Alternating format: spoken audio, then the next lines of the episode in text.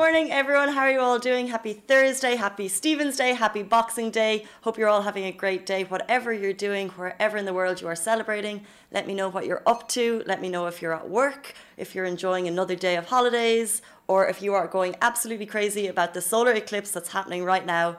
I've heard that like lunar activities can make people a little bit crazy.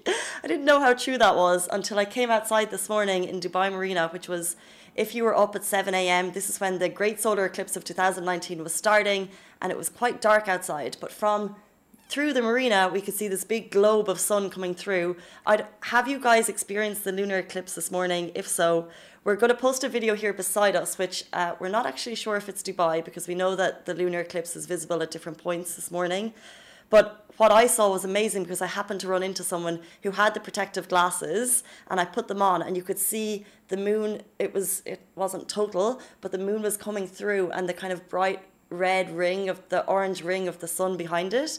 This is really, really incredible and it's one of a kind. And Dubai Astronomers Club had invited people to check it out. So I'm sure later on in the day we're going to show you amazing videos of what it looked like.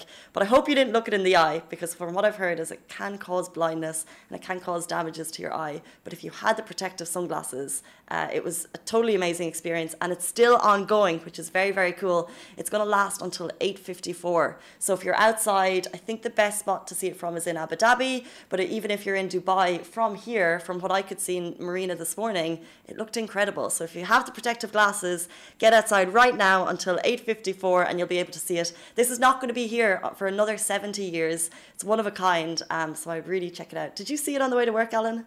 Unfortunately not. No. Did you see the big sun? Did anyone notice how bright the sun was this morning? Right, yeah. Yeah, so from the naked eye, you can't tell that it's actually a solar eclipse. You may just see that it's a very, very bright sun. But when you have the protective glasses, it's a whole other story. So I would check it out or check on Lovin Dubai later today and we'll try and get you an amazing video, which I think, obviously, you can't look at it with your eye, but I think if we post a video, I'm not sure how that works, but it should be fine. So tempting not to look at it, by the way, I have to say. Uh, moving on to our next story, we're talking a lot about Christmas, of course. Yesterday was Christmas Day. And we have this great video that we posted on Lovin Dubai um, in the last couple of days. So cute. So uh, first, let's hear it, and then we'll talk a little bit about it so you can see it. This is Santa in Dubai.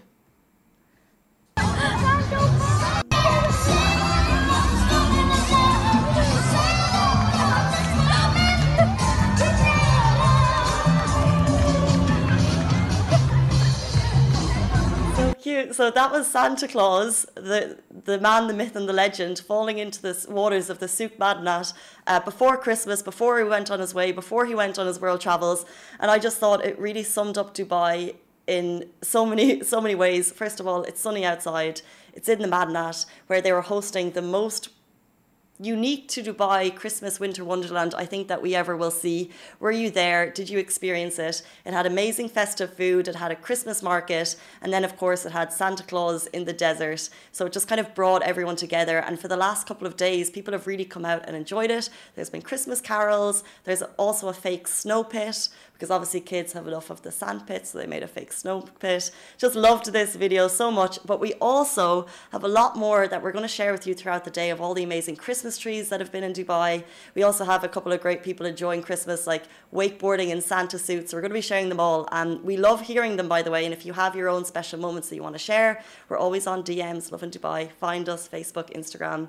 Um, because we just love the celebrations of Christmas. And I'm moving on to our final story because we're talking about the UAE leaders sent their wishes and congratulated Pope Francis on the occasion of Christmas. Um, and I just think this is really important. So, what uh, His Highness said, he said, sincere Christmas greetings to our Christ- Christian friends in the UAE and around the world. We wish that peace, security, tolerance, and goodness prevail worldwide. Of course, it's the year of tolerance in the UAE, but it's also really important. I think Christians make up just 12 or 13% of the population here. And the fact that you're able to celebrate your religious, and it's not just obviously Christians, all religions are welcome to celebrate their religious festivals here.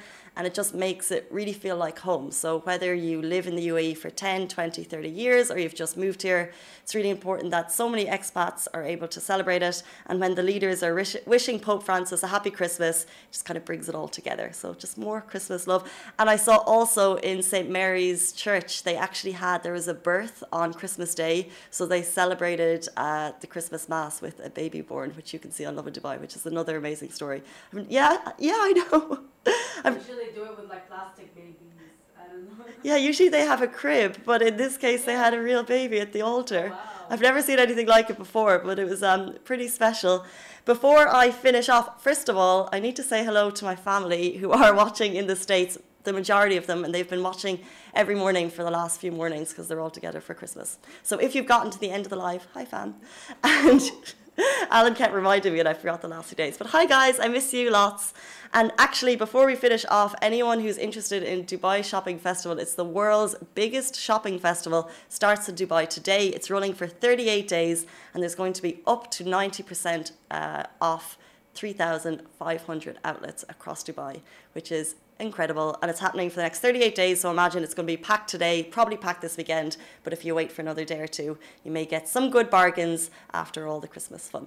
Those are top stories. We'll be back on Sunday morning because we have the weekend now, which is really exciting. We'll see you then. Bye. That is a wrap for the Lovin Dubai Daily Live. Remember, we are back with you same time, same place every morning. Do not forget, we also have Dubai Works Business Podcast where Rich sits down with the business people of Dubai so you can get more information about that. And of course, the Lovin Weekly show where Shireen and I chat to influencers and get to know a little bit more about them. Bye.